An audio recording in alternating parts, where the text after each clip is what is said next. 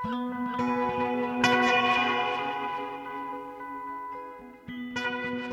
og sæl, kæru hlustendur.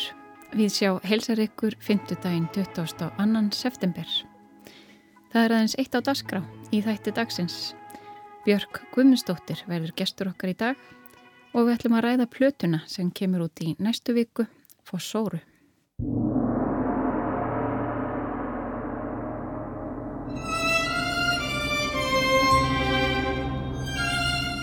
Fossóra er tíunda soloplata Bjarkar.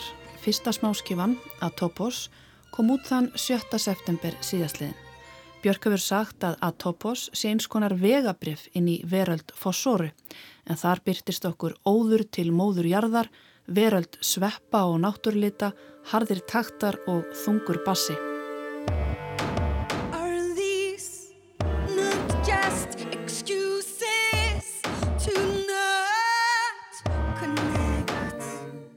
Lægið Óvulus kom út í síðustu viku og í dag kom svo út þriðja smáskífan af Fossóru, Ancestres. Lægið er grafskrift um móður Bjarkar og sýsturlag Sorfúl Sóil sem einni er sungið til móður Bjarkar. Við ætlum að ræða þessi lög við Björk í dag en líka plötuna í heilsinni. Hvaða fræ gáfi henni líf, hvaða tilfinningar gáfi henni kjöl og hvaða taktar komu henni á flug.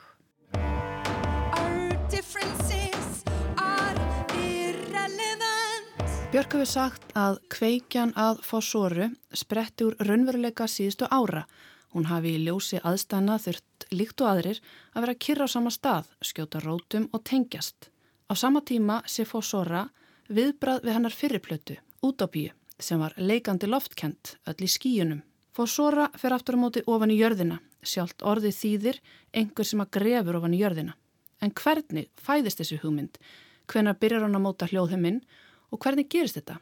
Fæðist tilfinningin í líkamannum eða huganum eða bæði? Ég held sko, sérstaklega núna þessum að maður er búin að gera marga plötir og ég er svona enda á að eins og leinilega að fatta þetta sjálf hvernig þetta allt gerist en mér sýnist svona öllu að svolítið oft þegar ég með eitthvað umfjöllunaröfni í plötunum sem eru undan, svolítið í Utopíu eh, sem að við vorum alltaf að tala um að hún gerðist öll á svona hún var eiginlega hálgerð vísindaskálsaga sem að gerðist svona á skíi upp í himninum einhverju borg og þar væri sagt, elementi væri sagt, loft og það voru flautur og við vorum e, tólflautur og svo voru við með synthesizera en þeir við völdum hljóð sem að voru mjög loftkent og og síðan voru eiginlega engin svona grunnbít eða, eða svona rithmar sem að voru með svona kjöl eða þannig. Og, og þetta var allt svolítið svona stemt að við vorum að fljóta í loftinu. Og takstarni voru líka svolítið svona eins og plötunar gefur til að kynna svona um útopíu og um kannski um hugmynd eða um svona uppskrift af framtíðinu sem okkur langar til að framtíðin okkar verði. og þá var það náttúrulega mjög mísljast eftir lögum en stundum á mjög persónlegum level og stundum á mjög svona meiri til dæmis umhverfislega séð eins og til dæmis þegar við fluttum plötuna live þá voru við með monolog manifesto frá Grete Thunberg sem að fjallaði þá kannski um svona manifest, hvað vilju við að heimurum verði á sagt, eins bara öll jörðin sem sagt og við komum náttúrulega, við spilum þessa plötu út um allan heim og komum svo heim. Og þá fer ég oft svona í þú veist, þá er ég búin að einbleina svo mikið á, þú veist, þetta skí að ég svona lang, langar í, í andkverfina og, og þá á þessari plötu var það svona fór ég alveg að hlusta á lög sem voru svona mjög, mjög jarbundin og svona rithma allstæðar frá heiminum sem voru mjög svona eins og var, maður er búin að grafa svo inn í hólu og, og, og hérna þannig að það var kannski svona, svona fyrsta hugmyndin er eitthvað svona, svona að íta sig gegn fyrraverkefni svona alltaf líka er þetta alltaf samt líka svona tilfinningarlega tengt og eitt sem við svona lærðum á hlaðvarpinu því að nú er ég náttúrulega ný komin glóðvolkur hlaðvarpi við Otni Eyr og Ásmund Jónsson. Og þá svona voru þau að gappa með að, að hérna stilla mig fyrir fekk og gappa mig til að reyna að útskýra hans meir en útskýra venjulega. Og þá sá ég það svona mjög eh, lík svona speiklun frá, svona ferðalegi frá homogenic til vespetín til Medullu og hugsaðum þessar plötur sem 1, 2, 3 og síðan svona vúlnukúru, utopíu og fossoru 1, 2, 3 og þá er fyrsta plattan er svona, gerist eitthvað mjög dramatíst, svona hjartabröð og, og svona endir á tímabili uh, og svona mjög mikið drama. Og svo er plattan á eftir svona Vespetín og Utopia er svona að byrja á nulli eftir að eitthvað hræðilegt hefur gæst og þá er maður oft svona gladur í að koma með manifesto eða eitthvað svona hugmyndur um paradís. Nú ætlum ég sko ekki að gera sumu ruggfeilana aftur og nú verður allt fullkomið og æðislegt en maður átt að segja á að þetta er þú veist, þú veist maður, þetta er bara hugmynd, þetta er bara uppskrift skilji mm -hmm. og svo kannski í lókplötunar koma nokkuð lög þannig að maður er svona byrjar að flytja inn í þennan nýja veruleika sem er bæði á Vespetín og Utopíu mm -hmm. og síðan koma næstu plötu sem er Medulla og Fossora og minnst að vera svona svolítið sýstur þar að það er svolítið svona ó þessi paradís sem að mér langaði svo mikið í þú veist, maður flytur inn í hana og svo er maður bara, þú veist, að setja stól og borð og hitta vini sína og búti súpu og eiga samræðir og gera mjög svona vennjulega hluti, bara svona þú veist, fara út í búð, fara á kaffehús þú veist, mm -hmm. tala við vini sína um hinsbyggi segja liðlega brandara þú veist, dansa þú veist, á förstaskvöldi og svo einhvern veginn í COVID yktist þetta allt, fór náttúrulega bara á tíundastast, þú veist, þústundasta steg að því að þú veist, við vorum kannski ykkur um jólakúlum eða vorum kannski að hitta færri vini en oftar sömu og þá okkur neginn yktist þetta og mér varst það svolítið skemmtileg upplifun að, að vera eitthvað svona alveg kjarna sig og eiga kannski á sama árinu veist, tíu góða samræður við einhvern veginn sem maður var kannski vanur kannski að fara þanga bara eins og árið eða eitthvað. Mm -hmm.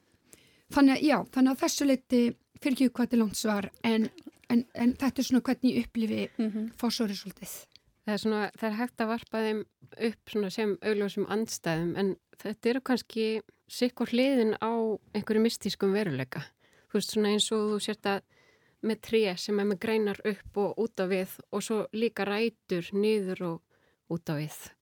Algjörlega, þetta gætur ekki líst í betur nei, nei, alveg þetta er alveg þannig og eins og í útopíu, maður var alveg bara hérna er, maður er búin að viljandi neyta sér um jærsamband að þetta var svo mikið, þú veist, loftegund í skíunum en maður vissi bara einhvern veginn ok, það fyrst að búið til þannan heim. Svo bara þegar hann er komin mm -hmm. þá get ég, þú veist skutti nöðrótum og þú veist, mm -hmm. með mhm. þessu tré já, ég held líka bara sé mjög algengt að fólk gerir hluti svona, þú veist, eftir eitthvað traumatíst gerist og þá kemur það næst með, ok, núna ætla ég að gera alltaf þetta og fara alltaf í jóka okkur í degi og borða ekkert glúten, eða þú veist, hvað, hvað, hvað það er, þú veist, maður kemur með eitthvað svona plan mm -hmm. og svo fer maður að lifa lífin og þá kannski, gerir maður kannski helmingina því sem maður ætla að gera, það er bara nokkuð vel sloppið.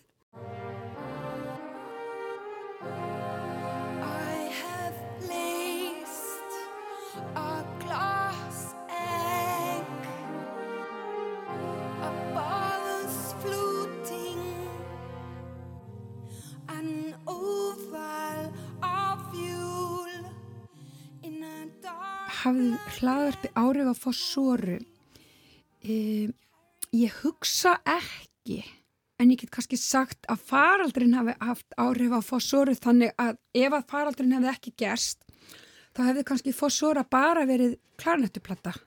Ég hefði kannski síðan bara hlaupið út og gert ykkur tíu hluti og færst svolítið í því konsepti. En einhvern veginn að því að allt í hennu var rosa mikil tími og kannski það sem að hafiði áhrif á fósóru var voru hörputónlingarnir sem við gerðum fyrir ári e, og þá hitti maður alla, alla hljóðfæralegarna og sá alla hljóðfæralegarna á Íslandi sem maður er búin að vera að vinna með í allir þessi ára og var kannski svolítið væminni við því og þá einhvern veginn opnaðist svona inn í mér að ég verði ekki svona först í einhverjum konseptum mm. þú veist og, og vera of dogmatic og frekar bara gefðu hverju lægi sem það sem lægi þarf og, og þannig kannski kláraði klarnöttulögin og svo lag til mér sem svo frífól það var bara æfist þetta er strengjakvartett lag bara gefið því bara strengjakvartett. Og, og líka að lá flautulegð, það bara þá heima eina mm -hmm. og básunur í óvjúl þú veist, ég ætlaði eitthvað við tókum þetta bara eitthvað upp í og bergur og að því að við vorum först, þetta var þegar það var mest svona, máttu bara hitta fimm eða eitthvað og svo ætlaði ég að setja að setja klarinett en svo bara æneið, þú veist, þetta er bara flottar á básunur þannig að það svona kannski svona helmingur um plötunar og kannski getur verið að ef það er eitthvað áhrif frá hlaðverfinu þá er það að svona þú að ég hafi sett mér þá svona ól, mittis ól eða Saturnus eða þessi svona, þetta svona þennan aga sem að fælst í því að halda konsepti út á enda. Þú veist, ég hef búin að gera það alveg nóg, þú veist, ég sáð alveg á svolítið mörgum plötum. Mm. þú veist, já, ok. Kannski hefði ég alveg geta, þú veist skiptum skoðun á okkur einu lægi sem kannski eins og allir mis mutual core og biofíliu það er eiginlega betra á strengjum heldur en á orgeli. Þú veist, en ég held, hafði á orgeli bara því að orgel plata mm. Og þegar við spilum það live þá er það eiginlega flottast á strengjum þannig að ég held ég að kannski aðeins losa þar til þú veist að vera ekki eins först í konseptunum að konseptin séu meiri svona hjálpatæki mm -hmm. en í raun og veru þar á hvert lag bara fá það sem að það á skilið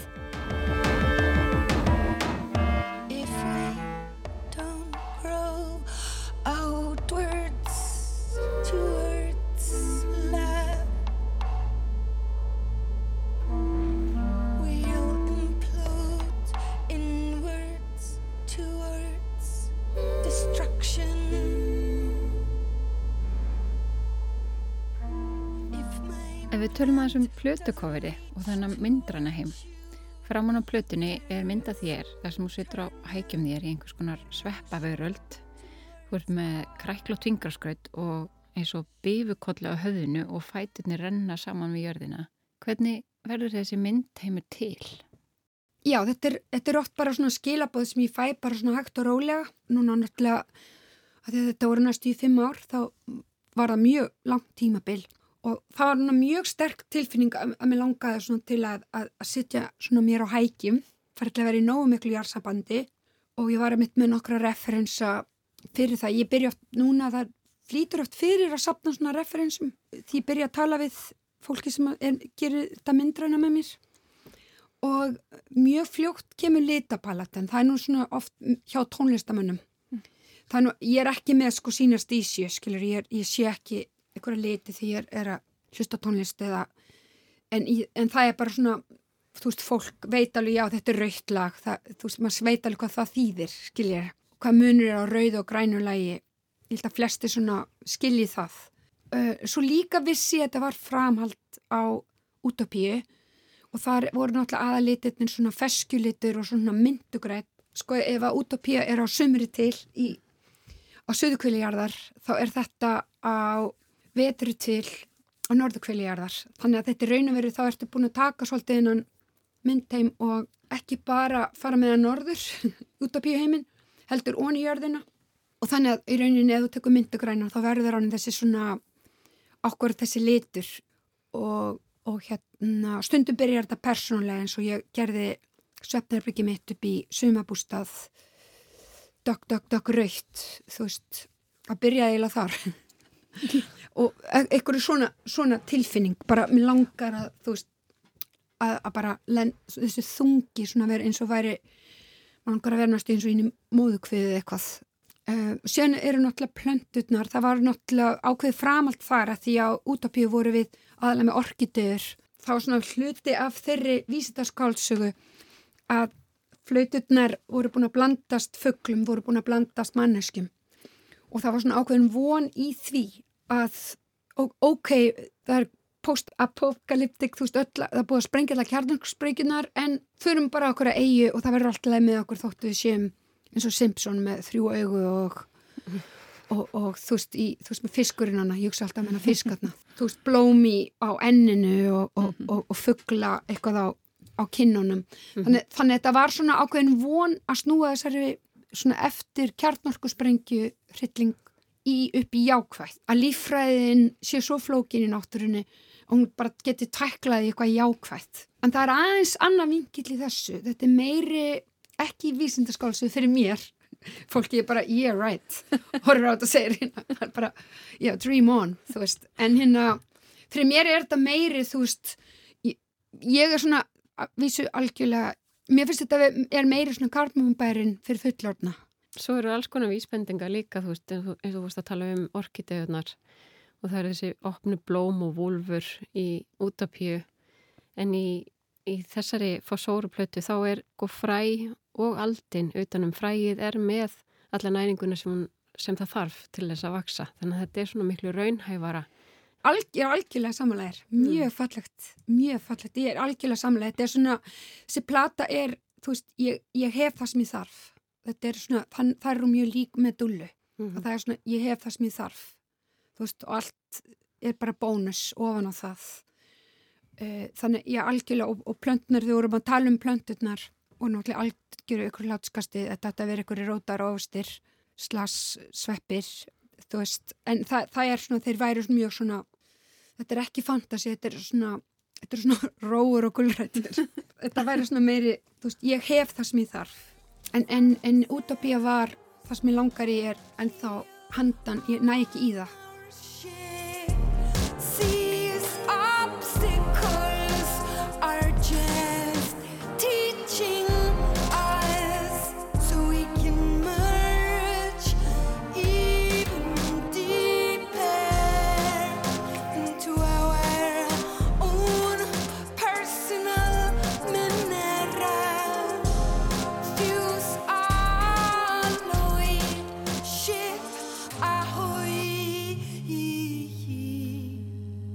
þessari plötu ertu í samstarfi við Casimín úr Gabber Modus Operandi og hann er frá Indonésiu.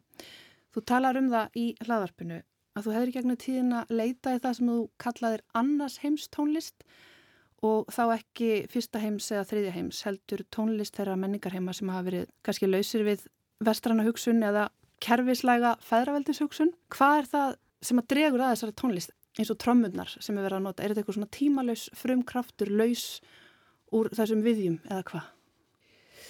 Já, uh, fallið spurning. Um, ég held ekkert neginn uh, á þess að ég hafi gert mér grein fyrir því, þú veist, á nýjunda áratöknum því ég var að byrja á svona og ég skilða betur núna, því lítið baka að mér finnst ekkert neginn meði heiðaliki í því, þú veist, við Íslandingar við erum það sem ég kalla annars heimsland og þegar ég nota þetta hugtak ég bara, já, ef einhver heimsbyggingur er ekki samála mér þá vil ég endilega fá nýtt hugtak, ég er alveg til ég að skipta um hugtak. Að, að við sagt, erum veist, mjög vel stæð og, og, og höfum það mjög gott hérna en við erum með náttúruna og við örðum ekki sagt, uh, nútíma uh, land í rauninni fyrir en það er minna en öll síðan. Og þá hef, hef þau lönd hafa svona annað samband við náttúruna og mitológina og animisma og það er allt þarna inni. En við erum samt með alla tæknina og allan nútíman þannig við erum svona í miðjunni. Og mér fannst það einhvern veginn svona ákveðin heiðarleiki að, að representa mig og mína tónlist sem þessa tónlist. Og, og þannig ég, já það er alveg sagt ég hef alltaf haft svona mikinn áhuga á að vera í samtali við allar þessa þjóðir hvort það sem það er Brasilia eða, eða Þæland eða, eða Indonesia eða að því mér fannst líka mikið ég kannski kem svolítið frá kynnslóð að kynnslónu undan mér á, í, á Íslandi var að halda öllu íslensku og, og mér fannst þau svolítið læsast þar. Það mátti ekki vera neitt vinna með neinum útlendingum þá varstu að halda framhjá og, og mér var svolítið læsing þar. Ég, ég kom, kom svolítið frá kynnslóð sem var ok, við getum verið ram íslensk og ef við erum með nógu sjálfs, mikið sjálfsöryggi og svona stert DNA þá getum við uh, unnið með fólki allstaðar frá og verið glóbal eða alþjóðleg en verið samt íslensk á sama tíma skiljuru þannig ég, ég kannski kem svolítið svona úr frá nýjönda ártundutögnum í einhverju svona augnabliki á Íslandi sem að það var mikið vakt ekki bara vera þú veist, í lópapeisum, þú veist, að tala um alva, skilir þau, að, að, að þú vera sagt, þáttakandi í menningu sem er að, er að gerast núna, skilir þau. Þannig að mér er alltaf langa til að svona halda hverju tvekja inni. Mm. Og Kasimin, já, algjörlega, því við vorum að, að senda hvort öðru tónlist og hann er að vinna með, með Gamilan og en er að, sagt, að forrita það með svona alls konar stafrænum hljóðum og, og svona algjörðu teknói með stað eitthvað einn svona líkt því sem ég er búin að vera einn að gera sko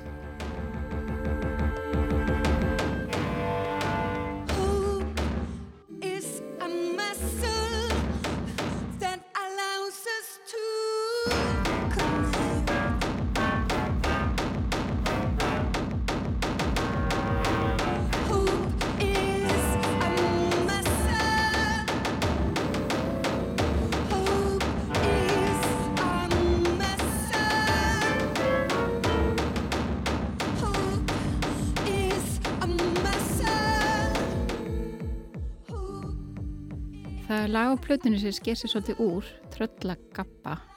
Það er mjög rytmíst og hálf grótest og í því er engin söngur. Þetta lag minnir svolítið á þegar einhver hlær tröllahládri og það fylgir því kannski svona einhver laust frá alvegleikanum. Já, mjög algjörlega, ég, þú alveg náði mér hérna því að ég var ykkur uh, sólardegi á þingvöldum að semja þetta lag og það var eitthvað æð, bara eins og þegar þingullir eru þegar sólinn er úti og það er bara besta land og fallegasta útsýn í heimi.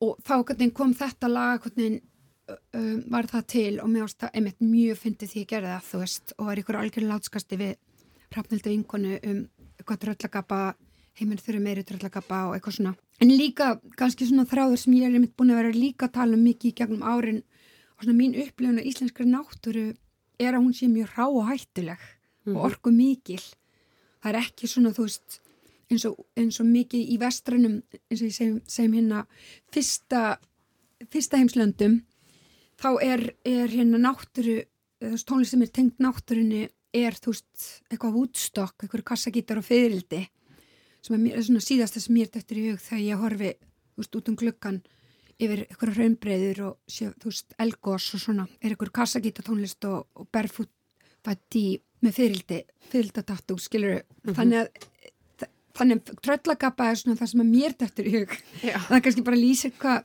heilin á mér er bilaður en það er svona meiri það sem mér dættur í hug það er þess að svona ekki bara eins og margir upplega líka íslenska náttúru eins og hún sé að þetta sé svona heimsendir eða, eða apokalyptik svona ég upplega ekki þannig, mér finnst það akkurat ekki. Mér finnst það mjög svona maður verður svona fullur á orgu þegar maður er búin að lappa, taka góða gangutúr upp, upp á hálendinu. Mm. og finnst þetta að vera svona maður verður svona jákvæðir. Eða þetta að vera svona yes. Þú veist það er til það skiptir ekki máli öll mengunin í stórborgunum og, og, og þú veist öll þessi vandamál sem við erum búin að koma okkur í á planetinu. Þú veist það er von, þú veist ég fyllist von meira þegar er íslenskra náttúru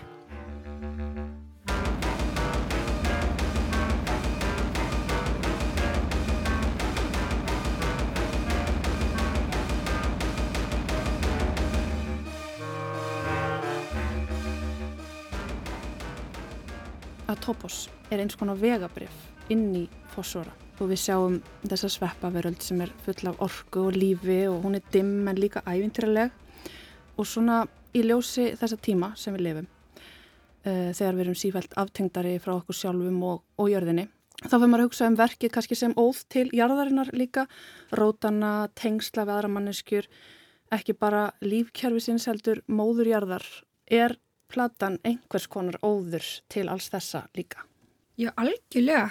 Ég er alveg með þér þarna sko og það var náttúrulega bara mjög fallegt, þú veist, fyrir ekki að fara aftur í faraldrin en hvernig maður svona aftengist tengdist öllu og, og þú veist, vinnu minn Anóni ringdi mig, þú veist, frá Írlandi og þar sem hann er kefti land ömmu sinnar og það var, þú veist, það er svo mikið fljóðlinn sem farið yfir Írland og svo allt innu í marga mánuði voru ynga flögular búin að fara yfir og það allt í hennu var bara svona búin að margfaldast allar, allir fugglasöngur þannig að já, algjörlega og, mm. og líka bara bæði svona alþjóðlega séð en líka persónulega var uh, Utopia var, er kannski meiri líka ætti að segja hún sé meiri stafræn og gerist meiri hljóðheimurinn líka við að sé meiri eins og, eins og þú veist netpostur eða, eða að vera úst, að deila gullunum meira milli vina úst, á, á símanum eða eitthvað sliðis meðan á, á meðan með fossoru þá var maður þú veist búin að vera nóg mikið á Íslandi og maður, og maður var að fá svo mikið næringu og svona samskipti milli vina og fjölskyldu og ástuna e, í nærumhverfinu að þú veist maður langaði að hafa þú sex basaklarinn að kliðina manni og finna þau sko fari gegnum allt högðakerfið á manni og alla frumutnar og výbraðins þú veist þannig að, að það er náttúrulega gott að hlaða sér þannig og það er kannski eitthvað sem að þannig að ég sé eitthvað svona vil ég fara út í hérna Ísland allt er best á Íslandi eitthvað en er svolítið glata líka uh, alveg svona leðinda fasismi í því en við vitum það að bara það að við förum í göngutúr flestir Íslandingar oft í viku þú veist hvort að sé út að lappa með hundin eða eða lappa lögavegin eða, eða þú veist esjuna eða eða bara æsíðun eða hvað sem það er. Við erum miklu aðgangur og miklu meiri útiveru hérna mér finnst þetta oft betri en nokkur þú sálfræði tími eða þú veist svona flest vandamál detta út af borðinu ef maður nær þú veist klukkutíma gangutúr á, á, á dag sko ég segi ekki öll en svona alveg helmingurinn skilur við En er þetta ekki líka svona í starra samengi eins og þú veist að tala um ákallið frá Greti Thunberg svona fram með fyrir þessum stóru málefnum sem við erum kannski höfum miklar ágjör af en það er eins og í þessari plötu sem er að kannski þessi móðulega viska einhver um, meðvitund um að, að það þýð ekkert að reyna að hafa vit fyrir mannkyninu. Móður Jörð getur bara, já, hún muni sjá um sig sjálf og viti betur. Já, hvað, nú er ég alveg hugsandi, geta alveg hugsað um þetta í mánuð, eh, góð spurning Já, kannski var eins og, eins og áarpið sem Greta Thunberg gerði fyrir okkur að við spilum í kornukópi, það var náttúrulega svona uppskrift. Svo ég tala stundum um Parísar sáttmálan sem, þú veist, hann er útopískur í sjálfu sér. Við lesum listan og allt sem þurfum að gera og við erum bara, oh my god, við náum og aldrei. En svo bara verðum við að, þú veist, komið góðan lista en kannski bara stefnaði ef mann er helmingvæði þá, þú veist, er það eitthvað. En í fossoru og kannski núna er kannski komið að svona öðrum á öðru stíi í umhverfismálum að því að það er ekki eins og það er bóði en við verðum bara að bregðast við núna og þá er það ekki, þú veist glóbali heldur bara lokali og við verðum bara núna að hrinda af stað, þú veist neðarlögum og, og svona alls konar lausnum sem eru bara þú veist eins og, eins og ég segi alltaf sömu söguna um borgastjórn í London sem að fyrir eitthvað 100-200 árum gerði kól ólögleg og allir í London voru bara orðin vanið því að þeir sá aldrei heiminin og allir voru með hósta. Og svo bara á einhverjum mánuðum bara sá allir heiminin, skilur stundum finnst mér að þurfi bara smá fasisma mm -hmm. Það var allavega auðvelt í, í faraldrinum að taka svona ákvarðanir. Algjörlega, þannig að það er kannski líka réttjaðir, þú veist, að, að kannski erum við líka, er fórsvara líka að tala um það að lausninar í umhverfismálum er ekki bara eitthvað, eitthvað manifest og heldur bara það þarf bara að koma hlutum í verk bara á, á jörðinni mm. bara, bara, eða sérst bara í okkar nærumhverfi. Talandum að koma hlutanum í verk þú saði frá því viðtali við Guardian fyrir stuttu að þið Greta Thunberg hefðu gert samkomlag við Katrín Jakobsdóttur um að lýsa yfir neyðarástandi til að íta við valdtöfum heimsins til að breðast við. En að svo hafi Katrín dreyið sér úr samkomlaginu sem hafi gert því reyða síðan þá hefur Katrin sagt að ekkert formlegt samkómalag hafi verið gert. Hvernig bregstu við þessu? Hver er viðbröð þín við þessum umælum hennar? Já, mér, það var kannski smá miskilningur í þessu eins og gerist oft þegar ívilsingar skólast til millir fjölmjöla og millir landa en það sem gerðist var að e, þarna með haustu þegar Greta var að sigla á bátnum yfir Allandshafið og það var einna margir að býða eftir henni New York megin og þá akkurat var sagt, Katrín yfir fósittisráðurum eh, Norðurlanda. Og hún, sagt, við, við sem hún myndi vera með stóra ræði þannig saminuð þjónum og ég og Greta ákveðum sagt, að vera með blagamannafund í New York áður en að Katrín haldi ræðina sína. Og þar sem við myndum sagt, skora á e, fósittisráð þeirra e, Norðurlanda að lýsa yfir neðarastandi í umhverfismálum þetta var ekki bara, kom ekki bara úr loftuna því að Írland var nýbúið þarna á þessum tímapunkti að gera þetta og, og fleiri lönd e, í Evropu. Ég sagði við Greti, veistu hvað, ég með reynslu e, í barátum mínum um álver á Íslandi að það sé ekki gott að fara í slag við stjórnmálamenn af því að þá bara kemur leiðurslagur og verður, gerist ekkert, kemur ekkert út við því. Á ekki frekar að tala við hana og beðnum að gera þetta með okkur og þá talaði ég við eitthvað sem talaði við eitthvað og ég fekk farsímanúmerið hennar sem ég gerir vennir aldrei, þetta er fyrst og síðasta skipti vonandi sem ég þarf að fyrir eitthvað að texta stjórnmálumannum og ég svo textaði henni og sagði ég vildi bara láta það vita það að þú veist áður en að þú gerir þína ræðu fyrir þína ræðu þá ætlum við Greta að vera með blada mann að fundi ég búin að skipla þetta og við ætlum að skora á, á fórstisáðira Norðurlanda um að lýsa við neðra ástandi í umhverfismálum. Og þetta er svolítið svona uppstilt semst, gegn þér. Það er bara að koma hreint fram með það. En vilt ekki bara vera með okkur í því? Þú þarfst ekki að lýsa yfir neðar ástandi eða neitt, heldur bara skora á og segja þú, þið séu að vinna í þessu. Og hún svaraði þá, það sem að mér finnst kannski smá óheðilega sem Katrín gerði er að hún hefði kannski átt að segja þarna nei, þetta er aðeins svo djart fyrir mig við stjórnvöld ætlum ekki að vera með en þú veist, gangi ykkur vel eða eitthvað svona. Það sem hún saði var, heyrðu, þið getið kanselir þessum blagamannafundi þið eru ekki að halda hennar blagamannafund þegar ég ætla að lýsa þessu yfir hvort þið er í ræðinu minni á saminu þjóðanum og þá saði ég, tristi henni og saði, ok, ég kanselir þá bara, ég var búin að undurbúa svolítið lengi hennar blagamannafund og þá kansela ég bara mínu sem sagt mínum blagamannafund hætti og síðan beði eftir ræðinni og þá sað hún ekki neitt. Það sem, að, það sem ég er svolítið óðurkt frá henni var að hún, sem sagt, hún hefði bara hægt að koma reynd fram og segja nei, við ætlum ekki að gera það. Og þá hefði við geta staðið við okkar plön. En síðan hef ég nú alveg kannski verið með henni í liði og skilið að hún væri mjög erfið samstarfi við þess að hérna flokka og svona. En mér finnst þau bara síðustu ári ekki hafa gert neitt og uppaðin sem er núna í umhverfismálum í mm -hmm. það er bara, þú veist, brandari. Ég, það var eitthvað að segja mér, ég, ég selða ekki alveg stýrt og ég kefti að, að, að það væri 500 miljónur á ári í einhverjum sjóði til að hjálpa kjötframlislu á landinu í umbóðir, ég mann genstu hvað... Matvælarsjóði. Matvælarsjóði, þakka þið fyrir. þú veist, jörðin brennur, það er náttúrulega bara hlægilegt og fyrir utan það finnst mér gott að það sé búið að koma þá allavega fram á þessum sístu tvimi vikum aðs meira að þegar þú lýsir yfir neðar ástandi þá bara ótomatist eins og gerðist í faraldrinum eða eins og geraði þær elgós eða flóð þá fara semst, allt fjármagn, miklu meira fjármagn rennur bara ótomatist í hellinga, hellingakategórium og, og, og þá er hægt að bregðast miklu hraðar við og pluss að það núna eru 97 þjóðir búin að lýsa yfir neðar ástandi öll Norðurlandin nema Norður og Ísland.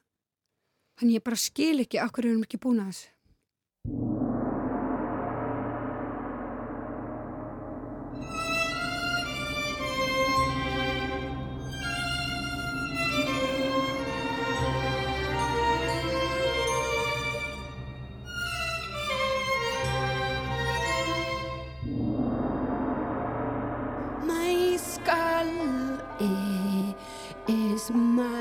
cathedral where this matrimor takes place.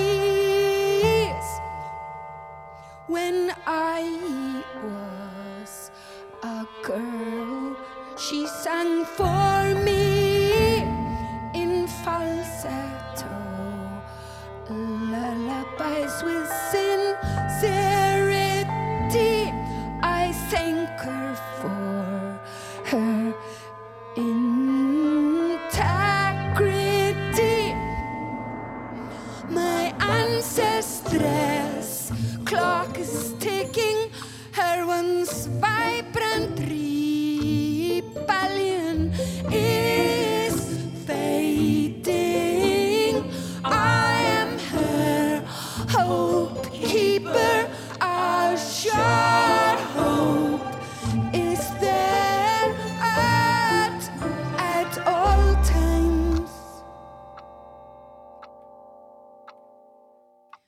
Færum okkur aðeins aftur úr stóra saminginu og yfir í persónlegu vítina. Móðurinn er stór hluti af plötunni, ekki bara móður jörð sem gefur okkur öllum líf, heldur líka móður þín sem gaði líf og sem fór úr þessari jarðvist fyrir nokkurum árum.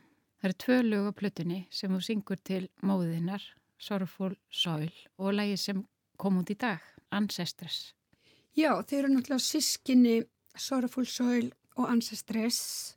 Sorrowful Soil er samið þarna svona ári, einu og halva ári áður en að mamma hveður okkur og er kannski svona sorglegra og Ancestors samið eftir. Og þá það, hefur það kannski inn í sér, ég skildi betur því samtiða svona þegar fólk talar um að jarðafæri séu eiga að vera sagt, uh, að halda upp á líf eitthvað það sé að þú veist ekki bara eitthvað sorglegt heldur, þú veist eins og maður að fólk í Mexiko geri eða Írar og, og þetta sé líka svona þögnuður eða svona, þannig ég ég var svona fljótari að semja Sorrowful Soul, það var svona meiri bara svona samið á, á klukkutíma og meiri svona, svona spontant. En Ancestris uh, ég var rosa lengi að, nýta í hennan texta og einhvern veginn og lagan og einhvern veginn þurfti að vera eitthvað svona inn, innra jafnvægi í erindunum. Því að það er krónológia í erindunum. Þú veist, fyrsta erindi er batnæska mín og, og svo, þú veist það, fylgir það henni alveg uh, til bara dagsins í dag. Þannig að fyrir mér þurfti að vera eitthvað svona eitthvað jafnvægið hana. Og ég held líka svona það, það sem ég kannski fatta ekki fyrir en eftir á er að kannski er eitthvað skonar uh, áhr, kannski undir áhrifum frá læginu og kórlæginu unna grafskrift.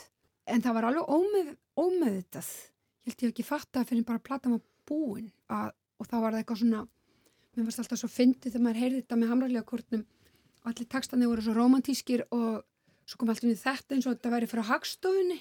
Svona upptalning um, um árið 1700 darara, darara.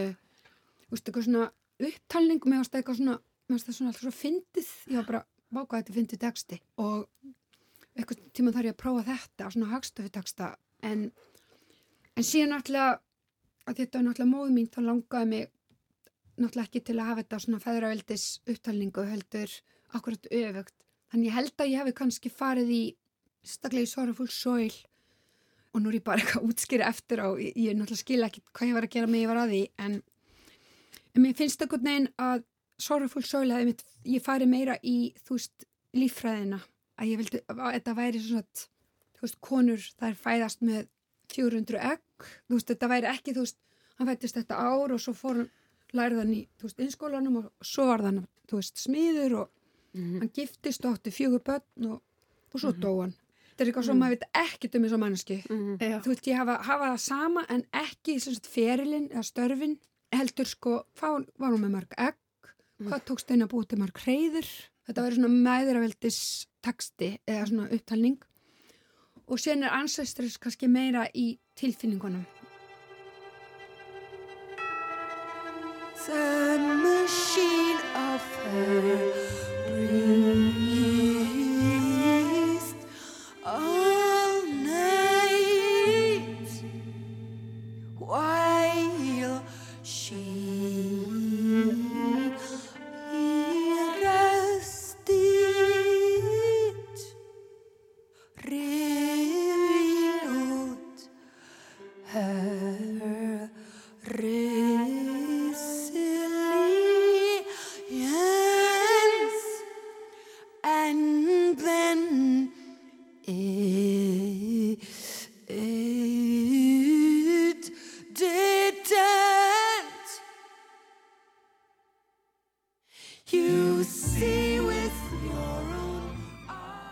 þín bæði syngja á blötinni, Sindri og Ísadóra.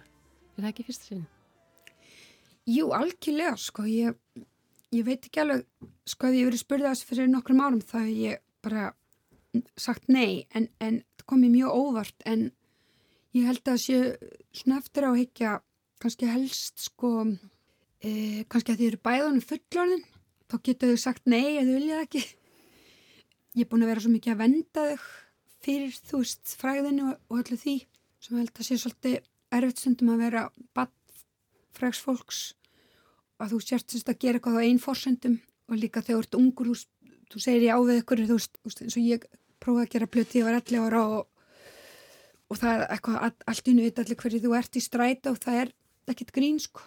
Þannig að hérna, þannig að, já, ég held að sé svolítið út af því en svo líka bara, við vorum svo mikið saman í COVID, þannig að þetta, það væri svona skrítið að, að þau væri ekki á plötunni og svo líka hérna var syndinu alltaf bara mjög tengdu mömmu sko. Þau voru, hún var náttúrulega bara færtug þegar hann fættist þannig að það var mjög svona, hann langaði til að þakka fyrir sig og gerði rætt útsetningar í læð hennar um hanna. You see with your own eyes but here with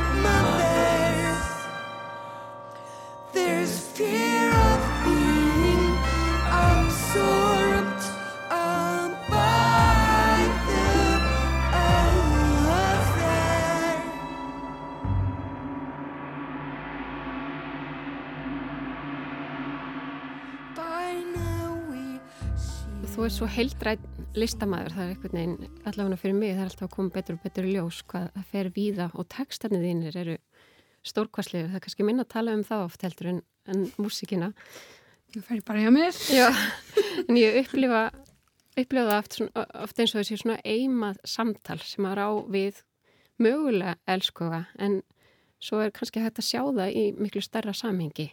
Það getur verið einhverju tveir sem eru nánir en það getur líka verið eitthvað stærra samtal eins og þú ert að lýsa eitthvað pólitísk samtal eða samtal mannesku við jörðina eða náttúruna. Algjörlega, ég er, ég er alveg samanlægir. Það tala við sem margir lagahöndar um þetta. Að, að ég held kannski bara lagformið sérstaklega, þú veist, hvað segir maður, þjóðlægið.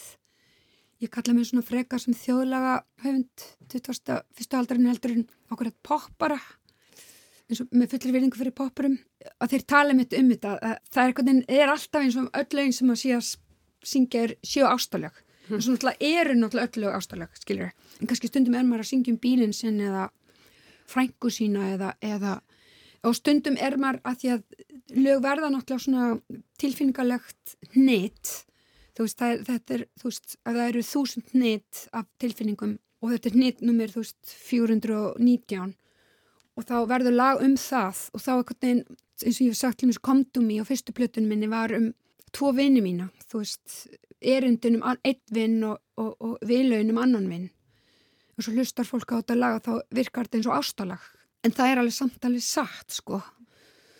Og svo eru svo kannski sumlög sem að virka eins og ekki ástalag þau eru ákvörðat eins og Declare Independence eða eitthvað svona. Og mér finnst náttúrulega mjög gaman að leika mér að þessu.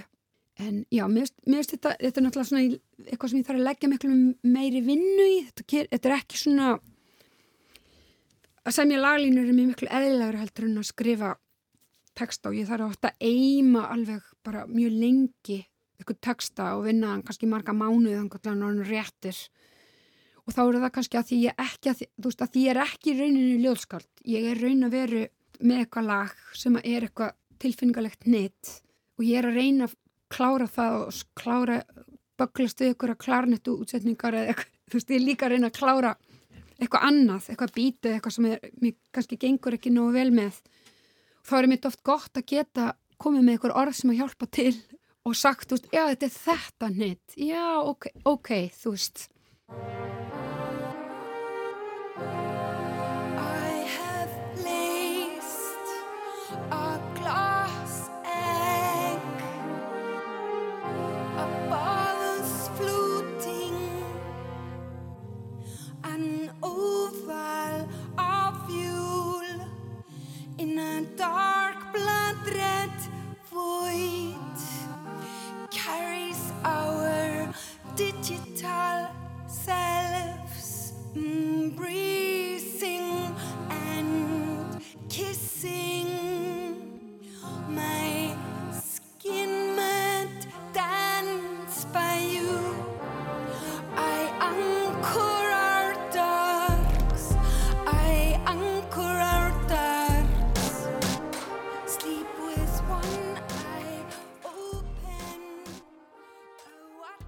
Lísti því á þann að, þú varst að vinna þessa plötu þá hafur svona fengið þessa tilfinningu og er ekki að vera þvinga eitthvað konsept á hana. En þú hefur líka talað um að þú býr til plötu þá, þá verða til einhver ákveðin fjölda lögum og svo sestu niður og hlustar á þau og þá reynir þú að finna kannski svona undirmeðutundina í lögunum. Þú veist, einhver svona sem er ekki augljóst og ekki meðvitað heldur eitthvað svona, já, kannski undirleikandi konsept án þess að það sé eitthvað sem þú þvingar upp á það.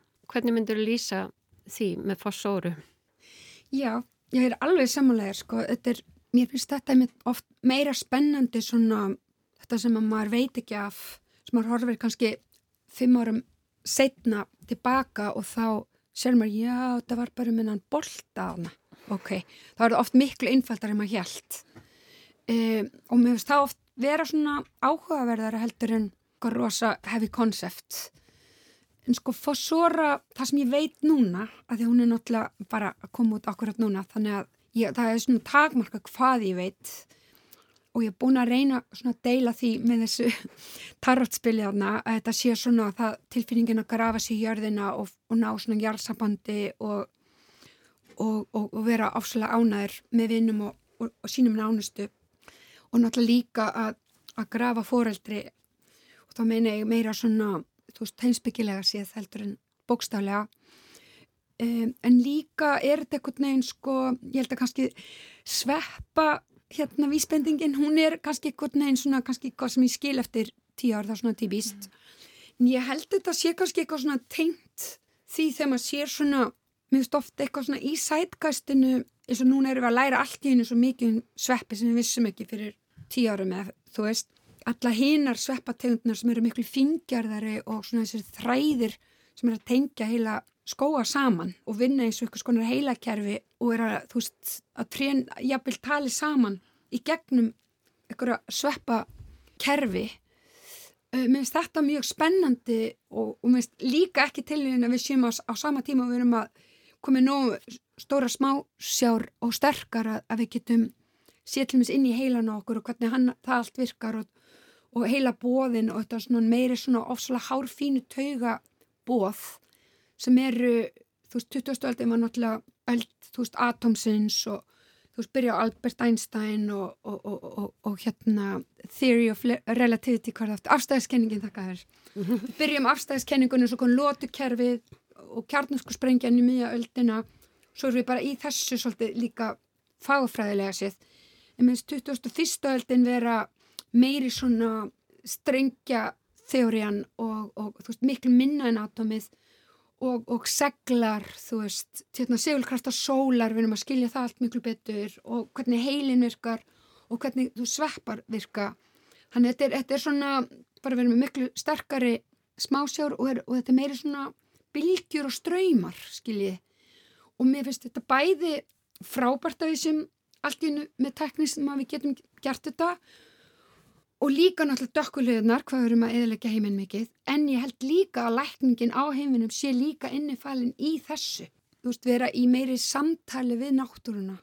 Þarna, skilur þau, þetta er ekki bara einhverjar klunarlega vindmilur, skilur þau, þetta er eitthvað svona aðeins meiri klárara. Riði út Hör Riði